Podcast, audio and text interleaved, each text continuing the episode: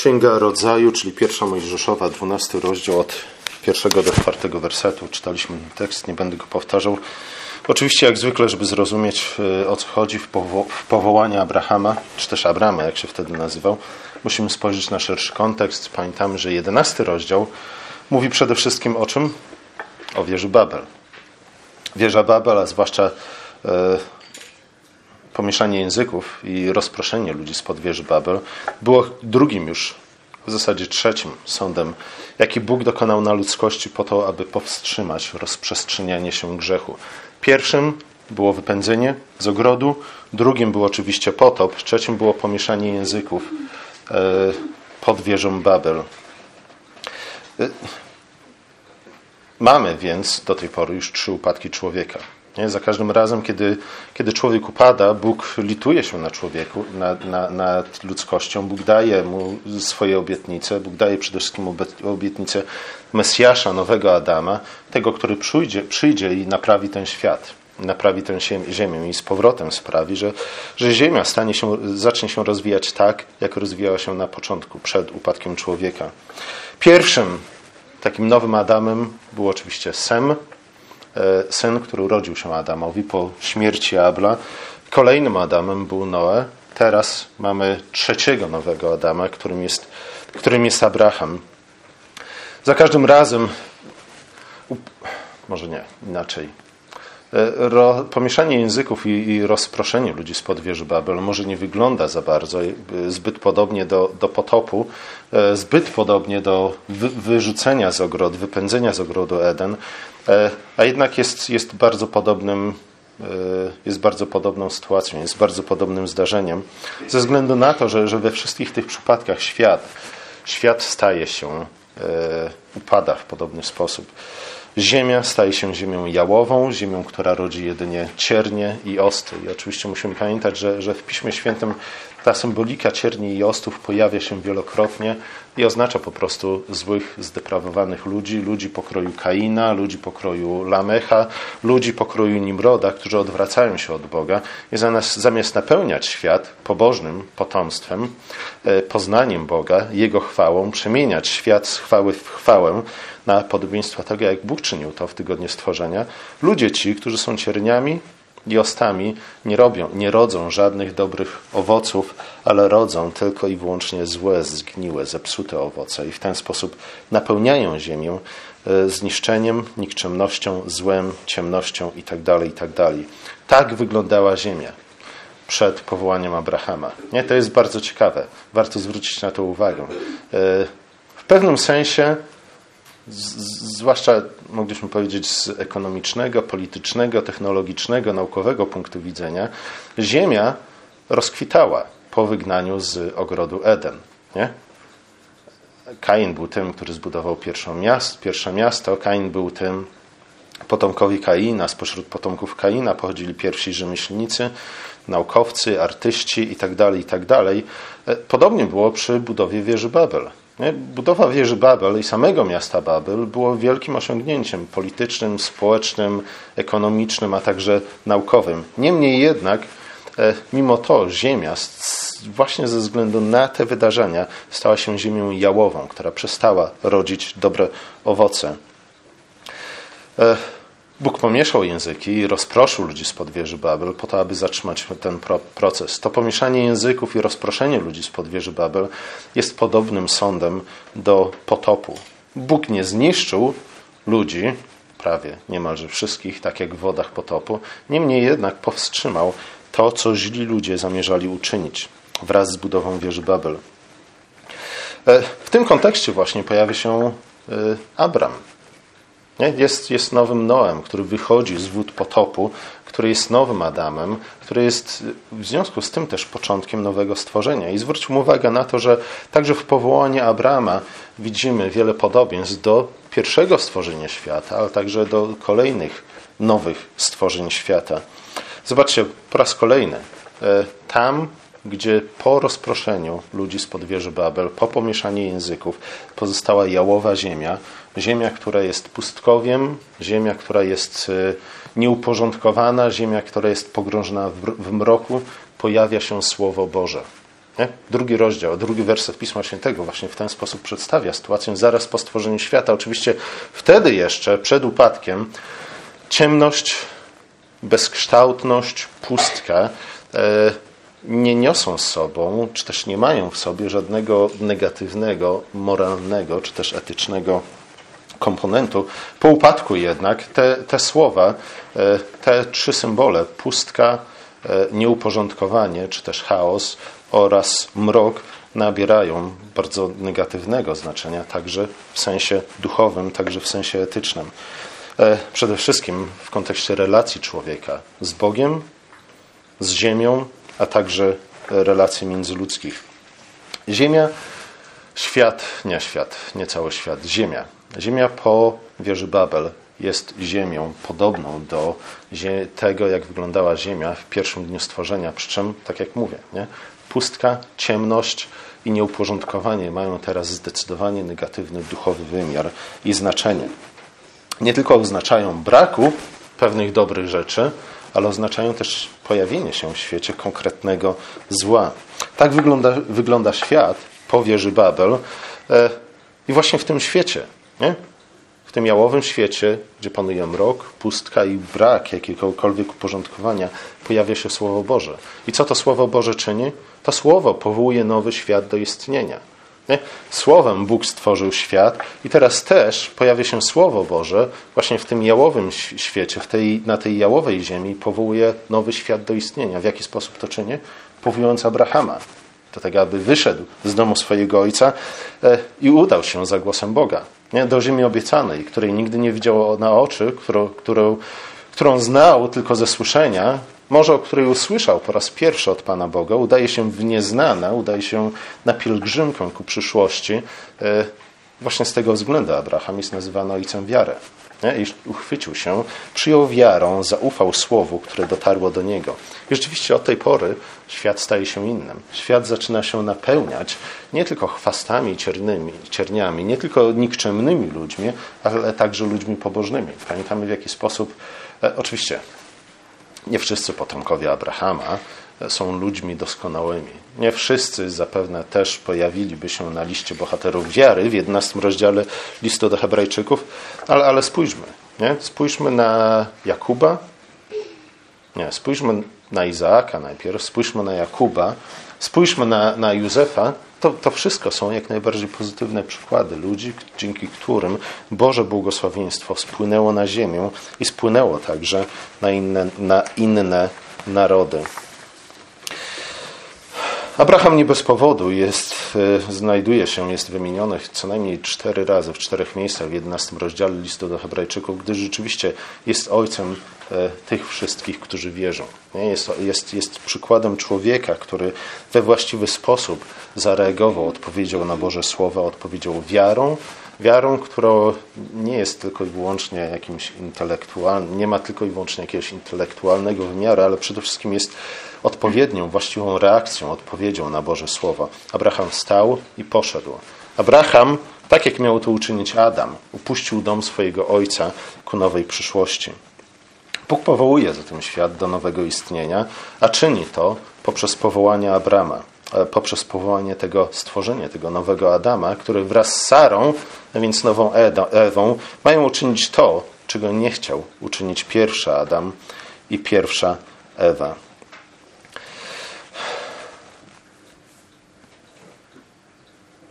Czy Abramowi było łatwo wierzyć w Słowo Boże? Czy Abramowi było łatwo podążyć za, za jego głosem? Często o, o, omawiając tę sytuację, y, ludzie zwracają uwagę na to, że oczywiście pierwotnie Abram wraz ze swoim ojcem wyszedł z Ur Chaldejskiego. To powołanie, o którym dzisiaj słyszeli, czy, czytaliśmy, dotarło do Abrama w Haranie, które jest na terenie dzisiejszej mniej więcej południowo-wschodniej Turcji. No I niektórzy komentatorzy zwracają uwagę na to, iż oczywiście Ur Chaldejskie to było cudowne miasto, nie? to była rozwinięta cywilizacja. Ponoć już w tamtych czasach mieli wodę w kranie. Nie, jak wiemy od naszych polityków, to, żeby była ciepła woda w kranie jest czymś najważniejszym, jest szczytem naszych marzeń i aspiracji. Nie, więc to było to wielkie poświęcenie ze strony, ze strony Abrama. Ale wydaje mi się, że, że powinniśmy patrzeć na to w nieco inny sposób. E, a może w trochę pełniejszy sposób. To prawda, że świat powierzy Babel stał się światem, światem jałowym. Niemniej jednak zwróćcie uwagę na to, iż, iż e, mimo wszystko Abraham musiał porzucić dom swojego ojca. Nie? A więc jakąś wspólnotę, jakąś społeczność, z którą był zżyty, z którą był związany i która zapewniała mu jednak pewne, nie, pewne bezpieczeństwo. Abraham miał porzucić miejsce, w którym zapuścił już korzenie. W Ur, Halde, e, w Ur. Wyszli z Ur Chaldejskiego, potem osiedli w Haranie i tam spędzili jakiś czas. A więc Abraham musiał porzucić, zerwać więzi, które go łączyły z bliskimi, więzi krwi. Musiał zerwać więzi, które go łączyły z miejscem, w którym spędził już jakiś czas i zapuścił korzenie. Abraham musiał udać się po prostu w nieznane. Nie, Abraham nie wiedział, nigdy nie był w Kanaanie. To nie jest tak, że My gdzieś tam w głębi duszy myślimy o tym, żeby wyjechać do Londynu. Nie, oczywiście byliśmy w Londynie, wiemy jak to wygląda, wiemy czego oczekiwać. Nie, to nie jest nieznana. Właśnie dlatego chcemy pojechać do Londynu, ponieważ już tam byliśmy. Nie? I ponieważ wiemy, że to miejsce jest o wiele lepszym miejscem po to, żeby tam się osiedlić, żyć, zapuścić korzenie, niż trzykolne młyny na przykład. Nie? Zdecydowanie, bez dwóch zdań. Ale w przypadku Abrahama to w ogóle tak nie wyglądało. Nie? Abram nigdy nie był w Kanaanie. Abram nie znał tego kraju. Abram porzucał to, co być może było dalekie od ideału, to jednak dawało mu pewne ramy bezpieczeństwa. Dawało mu pewne gwarancje bezpieczeństwa. Tak, być może była to ziemia jałowa, niemniej jednak, e, nie, czy, czy rzeczywiście warto jest porzucać tą odrobiną bezpieczeństwa, jaką możemy się cieszyć, po to, żeby udać się ku czemuś, czego kompletnie nie znamy. To jest zdecydowanie inne ryzyko i inna decyzja niż nasza decyzja o tym, żeby wyemigrować do Londynu albo do Nowego Jorku, gdziekolwiek kto chce, albo do Moskwy. Być może niektórzy dzisiaj chcą wyjechać. E, musimy pamiętać o tym, żeby zrozumieć pełnię tego, czym była wiara Abrama. Nie? Abraham z jednej strony musiał rozpoznać tę jałowość e, świata, ziemi, w której żył, jałowość sytuacji, w którą się znalazł. To, że w tej sytuacji być może mógłby przez jakiś czas egzystować, być może mógłby cieszyć się jakimiś resztkami stabilizacji i bezpieczeństwa, ale sytuacja, w której tkwił, w której był, zanim dotarło do niego powołanie Boże, było sytuacją w gruncie rzeczy beznadziejną. Nie, nie dawało mu żadnych, absolutnie żadnych perspektyw na przyszłość, ani jemu, ani jemu potomstwu. Nie? Było, było, było to trwanie, trwanie przy tym, co znane, e, w strachu przed tym, co nieznane. Żeby przypadkiem to, co nieznane, nie przyniosło nam jeszcze większego nieszczęścia niż to, niż to w którym trzymy. Zobaczcie, przed, przed Abramem świat w stosunku do Bożego Słowa był oporny, był nieufny, był zbuntowany, nie chciał słuchać Bożego Słowa, nie chciał je przyjąć. Uważał, że podążenie za Bożym Słowem oznacza właśnie brak stabilizacji, brak bezpieczeństwa, niepewność, niepewną przyszłość. Abram jednak w całkiem inny sposób zareagował na Boże Słowo i być może właśnie tym, co go popchnęło do tego, aby jednak uchwycić się nadzieją, ufnością, wiarą obietnicy, która dotarło, dotarła do niego w Bożym Słowie, było jednak to, że, że Abram widział, iż e, w sytuacji, w której żyje, na tej jałowej ziemi, nie ma dla niego żadnej przyszłości. Nie ma żadnej nadziei dla niego samego, zwłaszcza dla jego potomków, dla jego dzieci. Dlatego przyjął Boże obietnice, przyjął powołanie Boże, przyjął Słowo Boże, które do niego dotarło i co? Podjął odpowiednie działania. Nie? Jest między innymi przykładem męża wiary, dlatego że Abram odpowiedział na wiarę e, poprzez działanie. Abram uczynił coś konkretnego. Abram nie tylko pokiwał głową i powiedział tak, Panie Boże, nie. Te wszystkie historie, które opowiadasz mi o Kanaanie, są piękne, cudowne, chciałbym, żeby były prawdziwe i na tym się skończyło. Nie, Abram był tym, który rzeczywiście porzucił dom swojego ojca, wyszedł, zostawił to, co dawało mu jakieś pozory przynajmniej bezpieczeństwa i stabilizacji i podjął przepotężne ryzyko. Nie, oczywiście my wiemy, że Bóg nad wszystkim panuje, wszystko dzieje się zgodnie z planem Bożym, Bóg jest suwerenny i tak dalej, i tak dalej. Nie, to wszystko wiemy, przynajmniej w teorii. Ale właśnie w praktyce, w sytuacjach takich, w jakich znalazł się Abram, e, sprawdza się to, w jaki, czy, czy, na, na ile rzeczywiście ufamy tym wszystkim teoriom i tym wszystkim tezom. Nasz problem jest taki, że, że my jednak z jednej strony dociera do nas Słowo Boże, których, którym otrzymujemy Boże obietnice i Boże zapewnienia, ale z drugiej strony jednak postrzegamy ten świat w sposób, jak to mówią fachowcy fenomenologiczny. Nie? Obserwujemy pewne rzeczy, na podstawie naszych obserwacji, doświadczeń wyciągamy pewne wnioski. Nie? I, i te, te dwie perspektywy muszą jakoś się na siebie nałożyć. Problem jest w tym, że bardzo często się nie nakładają na siebie. Nie? Trudno jest e, pogodzić jedną z drugim. Innymi słowy, gdy, gdy do Abrama do, dotarło powołanie, obietnica Boga, Abram oczywiście z jednej strony mógł zaufać Bogu, nie? ale zobaczcie, e, z Abrama perspektywy to zaufanie wiązało się z potężnym ryzykiem. Nie? Dlatego, że z jednej strony ma to, co konkretne, to, co znane, to, co mógł zobaczyć, dotknąć, skosztować itd., tak itd. Tak nie? To, co znał bardzo dobrze, być może nie była to najlepsza rzeczywistość, jaką sobie wymarzył, ale jednak było czymś konkretnym. Z drugiej strony masz słowo, masz obietnicę. Nie, oczywiście Bóg i, I, teraz pytanie jest, zaufasz Bogu, czy nie zaufasz Bogu? Nie? Pójdziesz za Jego słowem, czy też nie pójdziesz za Jego słowem? Porzucisz to, co możesz dotknąć, zobaczyć, posmakować, usłyszeć, e, na rzecz tego, co dociera do Ciebie tylko i wyłącznie poprzez opowiadanie, poprzez zwiastowanie. Abraham podjął to ryzyko, ryzyko wiary i dlatego stał się bohaterem wiary. Powołanie Abra Abrama jest e, w tym kontekście także pewnym typem zmartwychwstania. My powinniśmy odczytywać historię Abrama, jego odpowiedź wiary na słowo, które dociera do niego jako typ, czy też paradygmat zmartwychwstania, jak moglibyśmy ładnie powiedzieć. E, znów, świat jest, ziemia jest ziemią jałową. Jest ziemią, która nie rodzi żadnego do, dobrego owocu. Jest ziemią, która rodzi tylko chwastę i ostę.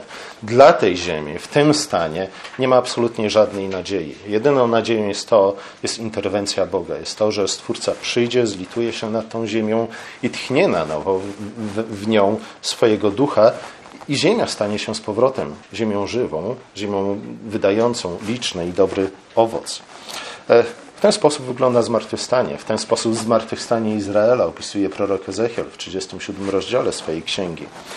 Nie? Jest to obraz, który bardzo często znajdujemy w Piśmie Świętym. Bezpłodna matka, która rodzi dziecko. Nie? Kolejny obraz zmartwychwstania. Dlatego e, między innymi apostoł Piotr w swoich listach przyrównuje nowe stworzenie świata do czego? Porodu, do narodzin dziecka. Nie? Narodzin, z którymi związane są oczywiście bóle porodowe, w których nie ma absolutnie żadnej przyjemności, a jednak z których wynika coś dobrego, coś radosnego, jakaś nowa rzeczywistość. Nowe życie w przypadku Abrahama pojawia się tam, gdzie do tej pory panowała panowała śmierć. Nie? Musimy w właściwy sposób od, odczytać historię wieży Babel nie jako kolejny upadek człowieka, który sprawił, że ziemia stała się ziemią jałową, po to, żeby rzeczywiście dostrzec w powołaniu Abrahama nie tylko nowe stworzenie, ale też nowe życie, do którego Bóg powołał Abrahama. Nie? On nie powołał. Nie, Bóg nie tylko sprawił to, że Abraham przeniósł się, przeprowadził się z jednego miasta do drugiego. Nie? Nie zawsze przeprowadzka z jednego miasta do drugiego jest, jest y, rzeczywiście dobrą decyzją. Nie, nie, nie możemy zawężać znaczenia tego, tego wydarzenia tylko i wyłącznie do zmiany mieszka, miejsca zamieszkania, czy też nawet nie możemy za, zawężać tego wydarzenia tylko i wyłącznie do właściwej reakcji na Słowo Boże, które dociera do nas. Musimy ujrzeć w tym nowe życie. Nowe życie, które pojawia się tam, gdzie do tej pory panowała śmierć. Nowe życie, które pojawia się tam, gdzie Słowo Boże budzi w nas wiarę i nadzieję. E, przed Abrahamem nie było Izraela. Nie? Zobaczcie, wraz z powołaniem Abrahama, wraz z obietnicami, jakie otrzymał od Boga, pojawia się coś nowego w świecie. Nie?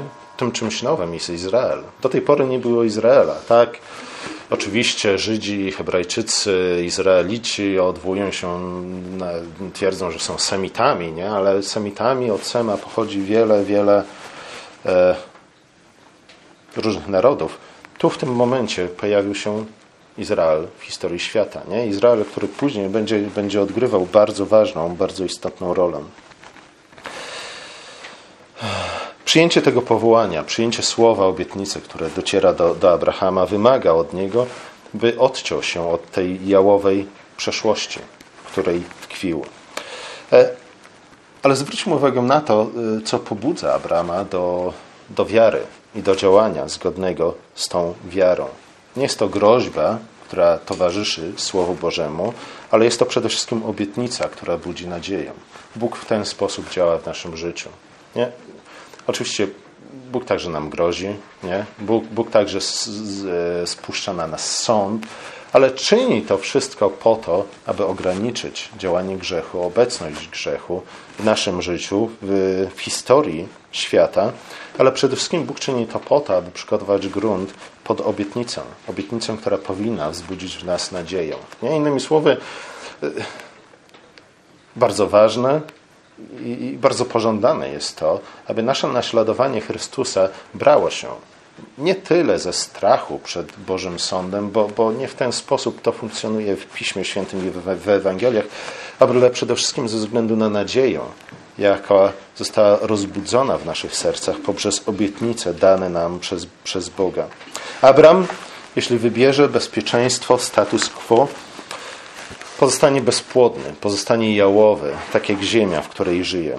Jeśli zaryzykuje i uda się w pielgrzymkę ku temu, co, co znane jest mu tylko i wyłącznie z obietnicy, jaka dotarła do, nie, do, do niego, wtedy zyska nadzieję i wtedy zyska nowe życie.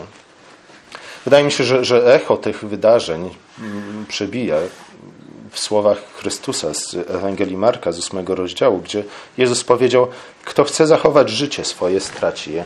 Kto straci swoje życie z powodu mnie i Ewangelii, pochowa je.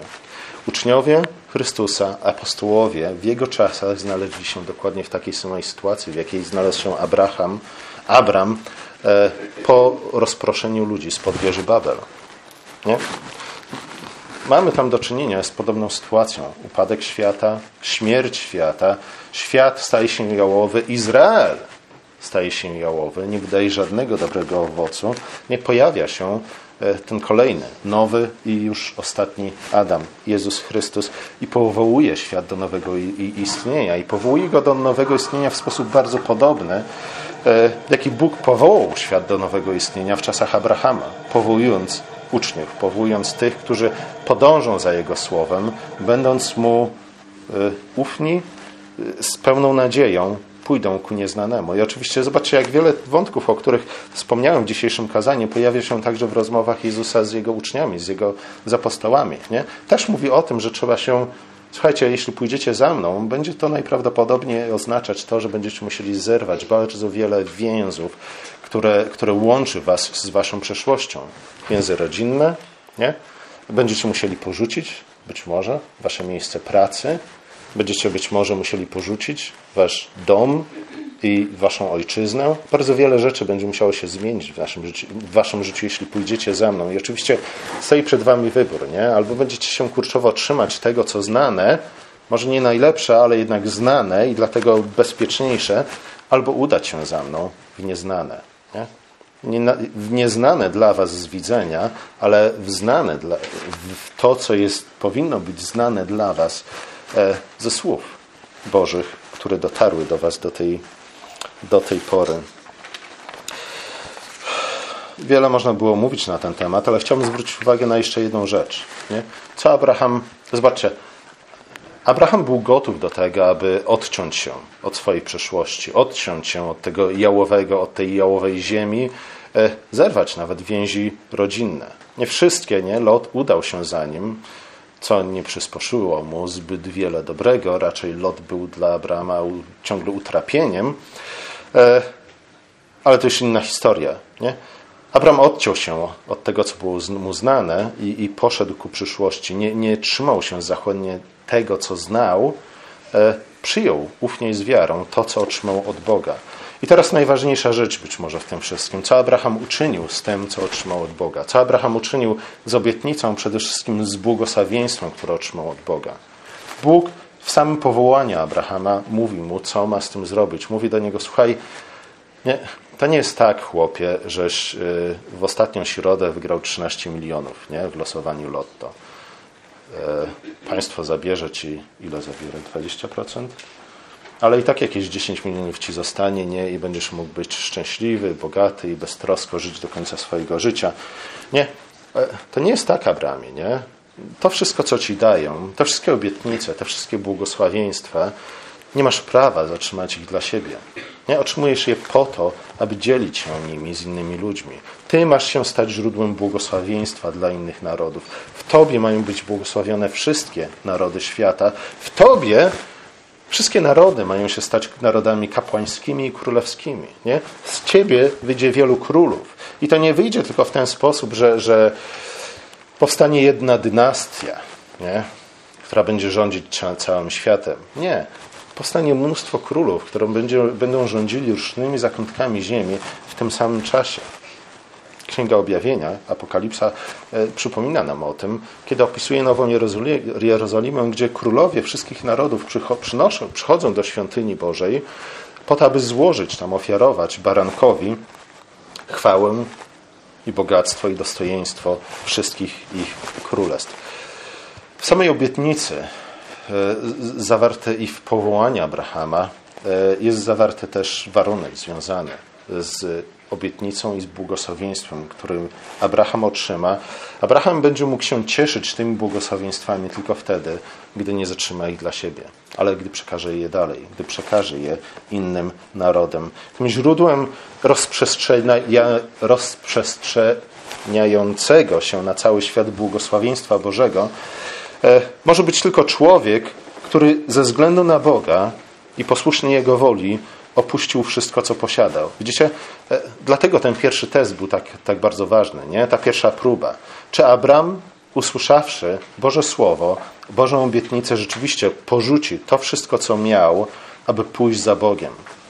Nie? Dlaczego to była próba? Dlaczego to był test? To była próba i test podobny do, do próby i testu, jaki przed jakim Bóg postawił Adama w ogrodzie, kiedy wpuścił tam węża po to, żeby zobaczyć, nie? czy Abraham, w jaki sposób a, e, ten Abraham, Adam sięgnie po owoc z drzewa poznania dobra i zła. Nie? A Adam oczywiście sięgnął po ten owoc w zły sposób, w buncie przeciwko Bogu, a nie w posłuszeństwo Bogu. Nie? Dlatego skutki były takie, a nie inne.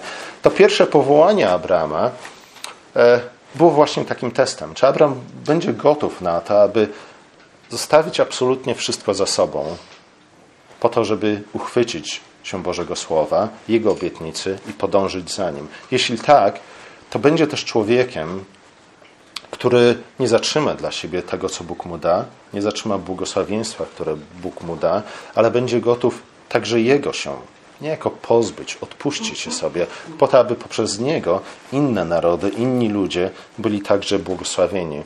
Gdyby, gdyby Abraham był człowiekiem zachłannym, gdyby był człowiekiem chciwym, gdyby był człowiekiem, który chciał tylko i który myślał tylko i wyłącznie o sobie, e, zatrzymałby wszelkie dary, które otrzymał od Boga tylko i wyłącznie dla siebie. W tym momencie błogosławieństwo Boże utknęłoby niejako w jego własności. Nie?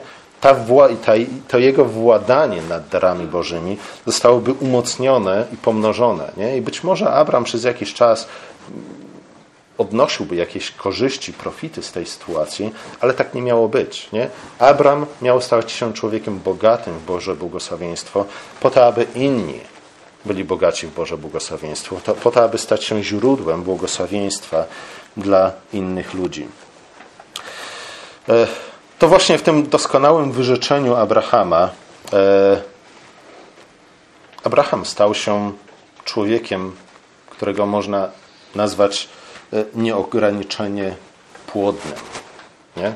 Przez to, że, że Abraham był gotów do tego, aby wyżyć się absolutnie wszystkiego w odpowiedzi na Boże Słowo, e, stał się najbardziej płodnym, życiodajnym, owocodajnym, rodzącym owoce człowiekiem, jakiego przynajmniej do tej pory, do jego czasów widziała Ziemia. A zatem Abraham staje się nowym Adamem. Na nowo rozpoczyna dzieje świata dzięki temu, że był gotów zrezygnować z tego, co normalnie zabezpiecza naszą ludzką egzystencję. Po to, aby ufnie podążyć za Bożym Słowem ku temu, czego nie znał. Poprzez, nigdy nie poznał jeszcze poprzez swoje zmysły, dzięki ku temu, co znał tylko i wyłącznie z opowiadania, ze słowa, które dotarło do niego. Źródłem tego nowego życia i nowej rzeczywistości było przede wszystkim Boże Słowo. Nie? Musimy pamiętać o tym, że to nie tylko i wyłącznie decyzja Abrama. To nie było tak, że Abram Któregoś dnia rano wyszedł sobie na próg swojego domostwa. W jednej ręce miał papierosa, w drugiej ręce miał kubek kawy. Tak siedział i myślał, i myślał, mówi, a nie, co to za życie? Trzeba coś w nim zmienić. To nie było tak, nie? To nie było tak, że on usiadł, pomyślał i powiedział, nie podoba mi się to, nie? Trzeba pomalować kuchnię na inny kolor, może, może, może moje życie zmieni się na lepsze. Nie. To Boże Słowo było tym, co zainicjowało pojawienie się nowego życia na tej jałowej ziemi. To Boże Słowo było tym, co, co sprawiło, że Abram stał się źródłem życia i błogosławieństwa dla innych ludzi, innych narodów. E, podobnie jak było z pierwszym stworzeniem. To Boże Słowo stworzyło świat z niczego i z tego też powodu później Paweł w liście do Rzymian w czwartym rozdziale, który to fragment także dzisiaj czytaliśmy, właśnie wspomina, nie? zestawia te dwie rzeczy z sobą razem. Powołanie Abrama i jego odpowiedź wiary na Boże Słowo ze stworzeniem świata z niczego. By jednak człowiek miał udział w nowym stworzeniu, musi zawierzyć temu słowu i być gotowy ponieść tego koszty. Nie? I oczywiście powinni być, powinniśmy być gotowi ponieść tego koszty. W tym przejawi się nasza prawdziwa wiara ze względu na, na nadzieję obiecanej nam przez Boga na nagrodę. Nie? Mamy więc te, te, te dwie motywacje. Z jednej strony niezadowolenie z tego, co jest, z drugiej strony nadzieję na, na jakąś lepszą przyszłość. Nie? E, ważne jest to, abyśmy pamiętali, iż nadzieja jest i powinna być dla nas o wiele lepszą i o wiele ważniejszą motywacją w naszym naśladowaniu Chrystusa, a nie jedynie niezadowolenie z tego, co było. Nie? Ludzie non-stop motywują się, są umotywowani do tego, aby zacząć kolejne rewolucje ze względu na niezadowolenie z zastanej sytuacji. Ale jeśli nie ma w tej rewolucji właściwej nadziei, nadziei opartej na Słowie Bożym, nie? a więc jedynej prawdziwej nadziei, wtedy żadna rewolucja zrodzona z buntu, z zastanej sytuacji nie zrodzi żadnej dobrej, nowej, lepszej rzeczywistości. Nie? Tylko sprawi, że ziemia wyjałowieje jeszcze bardziej. Pomódlmy się. Nasz drogi łaskawy Ojcze, dziękujemy Ci za Abrama, Abrahama, dziękujemy Ci za jego wiarę. Prosimy Cię, pomóż nam podążać za nim y, w tym właśnie przykładzie. Pomóż nam iść za Twoim słowem, y, ufnie i z nadzieją, y, wierząc w to, że ono prowadzi nas ku lepszej, lepszej przyszłości, ku lepszemu światu wierząc i ufając, że te wszystkie obietnice są prawdziwe i słuszne i, i niezawodne, wiedząc, że zostały przypieczętowane przez krew Twojego Syna. Amen.